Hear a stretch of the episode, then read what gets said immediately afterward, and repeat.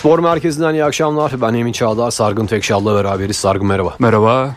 Önce dün akşamki e, Fenerbahçe Adana Spor maçını konuşalım. 6-0'lık e, Fenerbahçe'nin gösterisini, güç gösterisini, gövde gösterisini konuşalım. Gönderilsin mi kalsın mı bir türlü karar verilemeyen Mişi Batshuayi Fenerbahçe'nin yıldızı oldu. E, ben en baştan söyleyeyim kesinlikle gönderilmesin. Ama İsmail Kartal ne düşünüyor, ne oluyor, ne bitiyor tabii bilemeyiz. Ee, yani maçı konuşacak fazla bir şey yok. Sen nasıl değerlendiriyorsun? Batshuayi bence de kalmalı ama işte bu rolü kabul ederse bir süredir etmiyordu. Böyle mutsuz gözüküyordu oyuna girerken böyle konferans liginde oyundan çıkarken Batshuayi'nin ortamdan Fenerbahçe'deki rolünden mutsuz olduğunu görüyorduk ama iki haftadır o da uyum sağladı. Bir de Batshuayi çok rengini belli eden bir insan. Hani mutsuzsa direkt anlıyorsunuz. Mutluysa çok mutlu oluyor zaten direkt anlaşılıyor. Yani en iyi yardımcı santfor rolünü ben kabul edeceğim derse tabii ki kalmalı. Ama teklif belki de aradığı teklifleri bulamadı transfer döneminde. En iyi yardımcı santrafor kısmını e, nasıl açmak gerekiyor? Yani Şimdi Ceko'nun mesela artık 60'lar yok e, hani 60-65'lerde Ceko'nun son maçlarda biraz yorulduğunu görüyoruz. Bu mu? Yoksa e, İsmail Kartal'ın oyun sistemini maç içinde değiştirip 4-4-2'ye dönmesi mi bunu söyledi de mi biraz daha e, kendisini oyuna verdi ben onu merak ediyorum. Evet o da var. Ee, Gaziantep maçında da yaptı bunu hatta. Bu sezon ilk kez çift sanforlu Fenerbahçe gördük. Döndü. Ya belki onu söyledi ya da Ceko'nun işte dinlenmesini çünkü şimdi maçlar da artacak. Konferans ligi, kupa. Batshuayi bununla mutlu olur mu Türkiye Kupası'nda oynamaktan sadece? Ama şimdi şöyle düşünelim. Fenerbahçe için düşünüyorum ben. Batshuayi gönderince e, elde ne kalıyor? Ceko'nun sakatlandığını düşündüğümüzde tabii. bir kere geçmiş olsun. E tabii yani. Ya e, Umut Nair gitti. Konuşulan bir isim Serdar Dursun. Dün İsmail Sadece Serdar Dursun'la mı yürüyecek Fenerbahçe? Yürüyemez.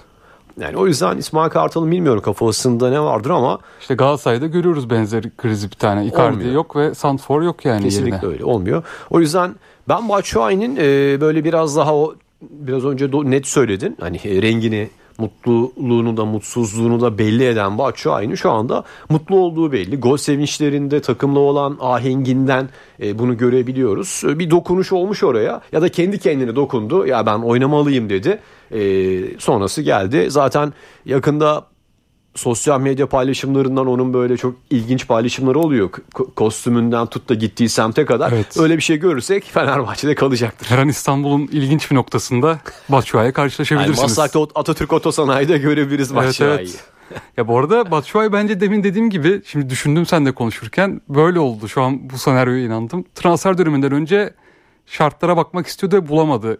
Avrupa'da çünkü görüştü menajeri. Euro 2024'te oynamak istiyordu son kez. Yani yaşı gereğince artık Hatta Belçika İngiltere takımında, ismi çok öne çıkmıştı. İşte Belçika'da oynamak istiyor. Bir şekilde ilk 11'de oynayabileceği bir takım var mı yok mu derken bence bulamamış.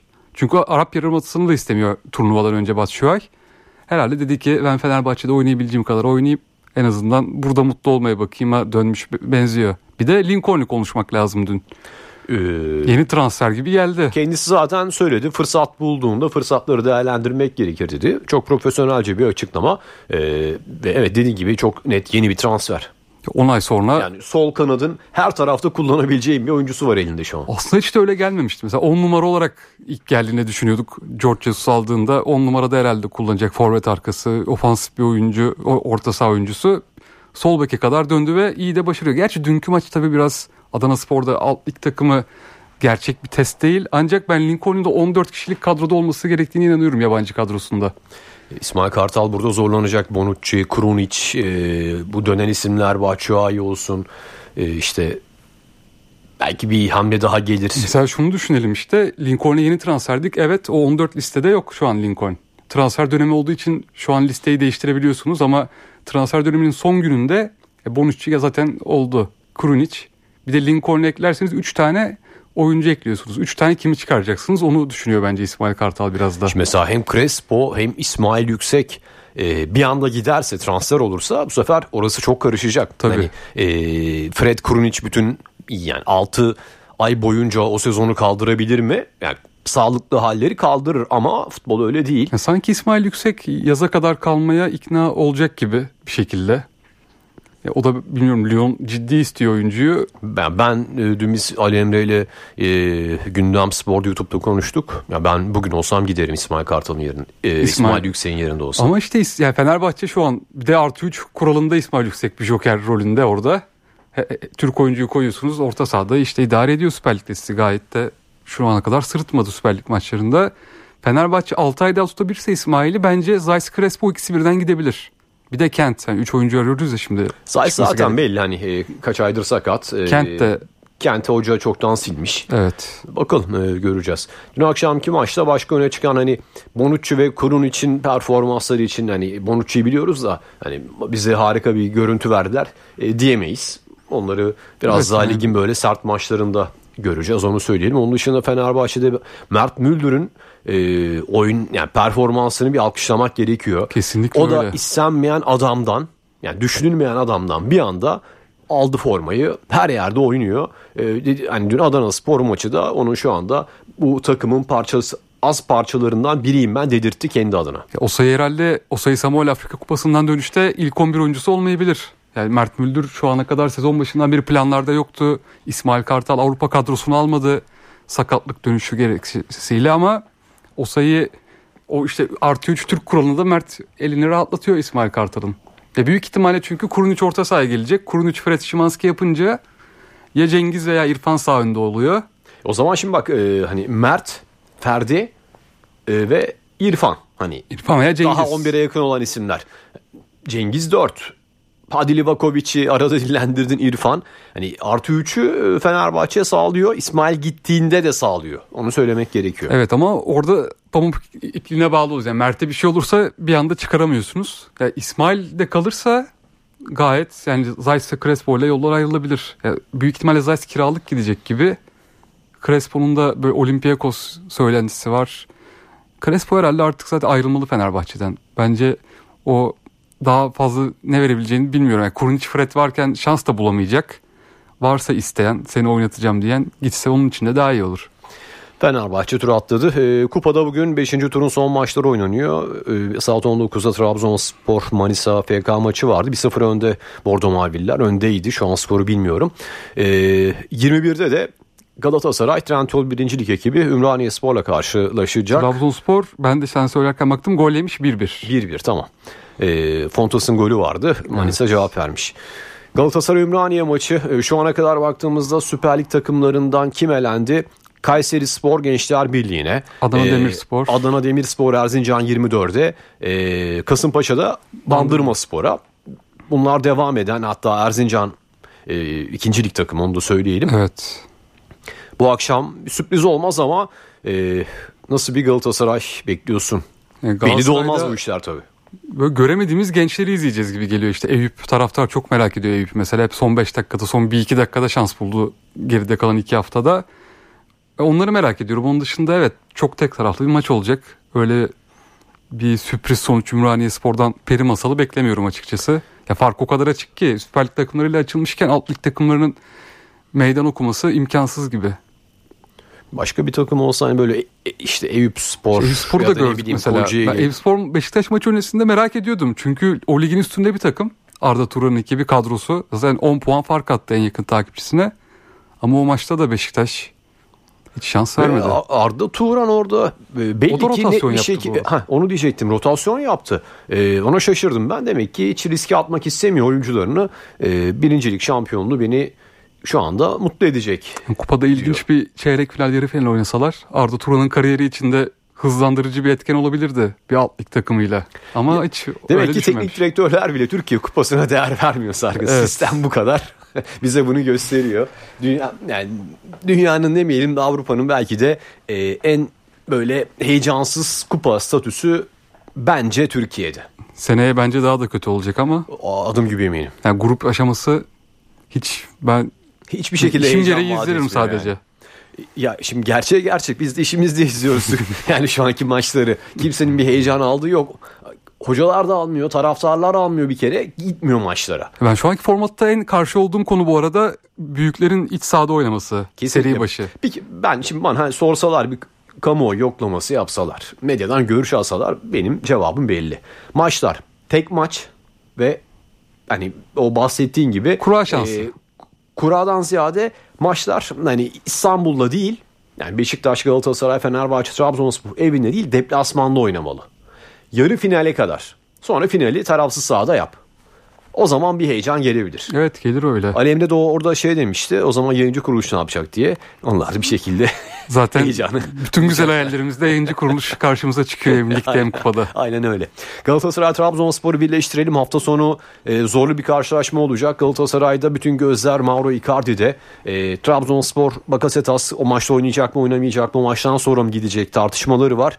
E, ufak bir Galatasaray Trabzon penceresi açarsak ne söylersin? Ben Icardi'nin direkt oynama ihtimaline pek inanmıyorum. Ya oynar ama ne kadar hazır? Zaten son iki ayda izledik Beşiktaş maçındaki sakatlığından beri hiç hazır değildi. E, 20 gündür de dinleniyor. Ya bir- bireysel antrenman da çok yapmamış. O maçta ilk 11'de çıkıp ne kadar katkı sağlayabilir? Takıma yük mü olur, artı mı olur bilemedim. Ama şöyle bir durum da var Okan Buruk için. e, Halil de hiçbir şey göstermiyor. E, onun yerine oynatabileceği Halil var sadece. Belki Zaha'yı ama onu hiç denemedi bu yoklukta. Halil biraz kendini gösterseydi bence Icardi'yi Trabzonspor maçında mesela yedek başlatabilirdi. Çünkü fizik olarak hazır değil. Son 30 dakikada fark yaratabilir planıyla. Ama şu anda Icardi ya iki ayağı üzerinde yürüyebiliyorsa ilk 11 çıkacak gibi Halil'in formsuzluğu sebebiyle. Çok güzel söyledin. Ee, ben Okan Buruk'un Icardi'yi e, hani yedek bırakabilecek, kesebilecek futbol deyimiyle kesebilecek iradesi olduğunu düşünmüyorum. Bunu şu yüzden söylüyorum. Beşiktaş maçında sakatlandıktan sonra Icardi'nin sakat sakat oynamasından bunu gördük. 90 dakikalığı sürekli tamamladı. Ee, sadece bir penaltı golü var 90 artı küsurda takımı unuttum. Onun dışında hiçbir maçta oyundan alamadı. Her maç 11 çıktı ama etkisiz bir Icardi. Fenerbahçe maçında hani pozisyonlarda var ama o pozisyonlar maçın seyrini değiştirecek. O resim içinde bahsediyorum. Pozisyonlar değildi ama sağlıklı bir Icardi çok farklı olabilirdi. Beşiktaş maçından sonra dinlendirilse Evet.